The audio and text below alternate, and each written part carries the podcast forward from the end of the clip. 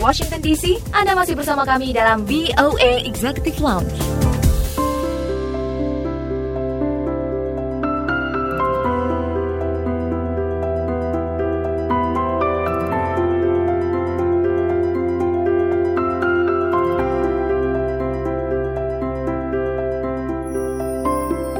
Anda masih mendengarkan VOA Executive Lounge bersama saya Dania Iman.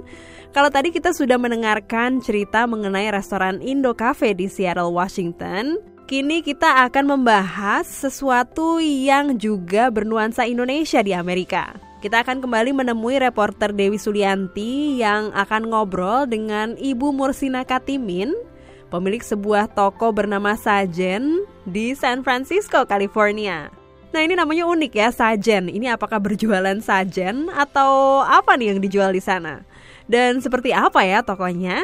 Langsung aja kita simak obrolannya berikut ini.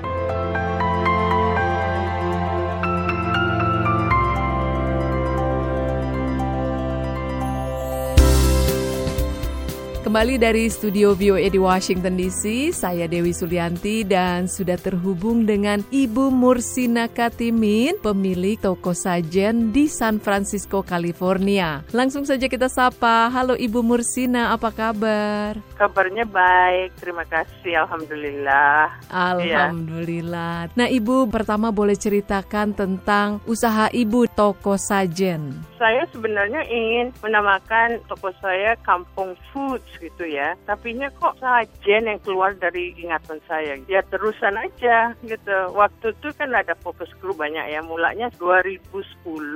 Kalau jamunya 2011. Oh baik. Tapi kalau sambelnya ya 2013. Bukannya tiap hari Ibu toko sajen ini? Saya sebenarnya wholesale pada toko-toko yang lain. Oh. Rainbow, La Cocina, The Avenue, Berkeley Bowl, begitu. Oh jadi toko sajen Jen ini adalah uh, online, membuat tapi, sama marketingnya, sama promosinya. Banyak bu pelanggannya yang membeli sambal dan jamu ini.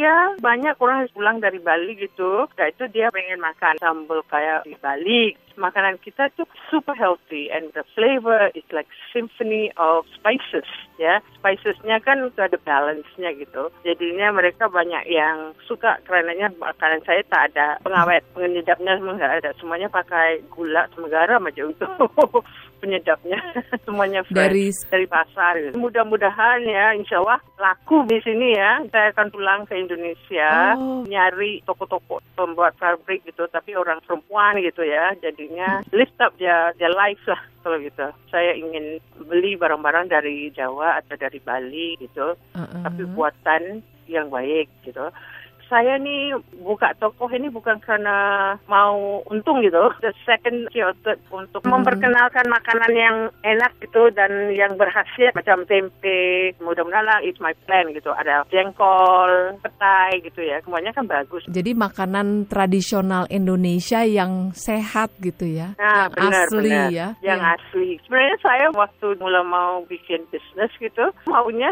buat bumbu aja, bumbu kering-kering gitu yang nggak ada pengalaman pengawet tapi beli taruh-taruh campurkan jadi satu. Tapi kok waktu fokus group waktu thinking brainstorming gitu ya jamu keluar akhirnya saya buat jamu aja. Bahan-bahan jamu payah di sini. Yang yeah. ada hanya kunyit ali you know like yeah. jahe yang laos tapi kalau kencur itu gak ada kalau ada kencur enak gitu kan jadi ibu dapatnya dari mana kemarin tuh baru pulang ke Indonesia. Oh ya. Nyari kencur gitu, bawa ke sini dikeringkan baru ditanam. Alhamdulillah deh, tumbuhnya bagus.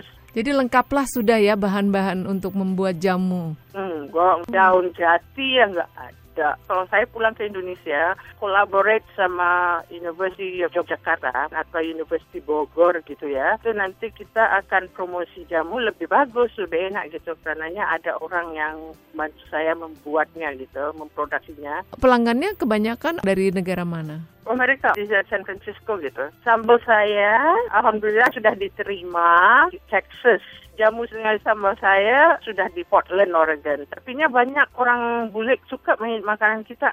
Dia nyicipin sambal saya kan. Ya. rasanya kok lain sekali gitu. Kerenanya kan kita pakai rempah-rempah yang fresh ya, macam kuah, serai, kunyit. Ali ya kalau digabungkan begitu kan enak ya. Minuman pun pakai gitu aja kunyit aja kan, ramai yang suka. Nah, Ibu, ini jamunya ada jamu apa aja? Sebenarnya kita ada empat macam. Mm-mm. Ah, satunya kunyit asam, jadi saya panggilnya balance gitu.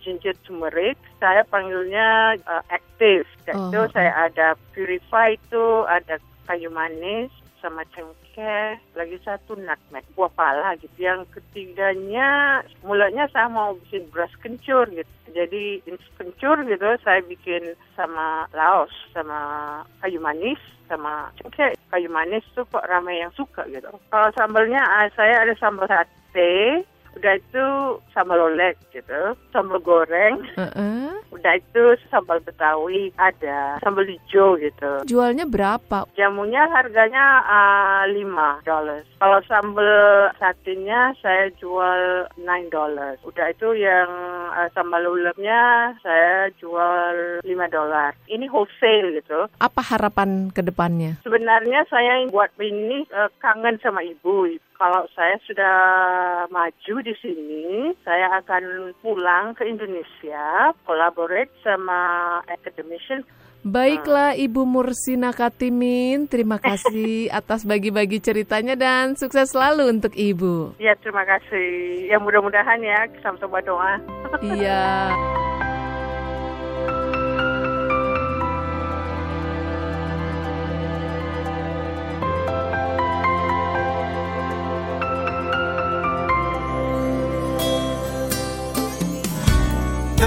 voice of America.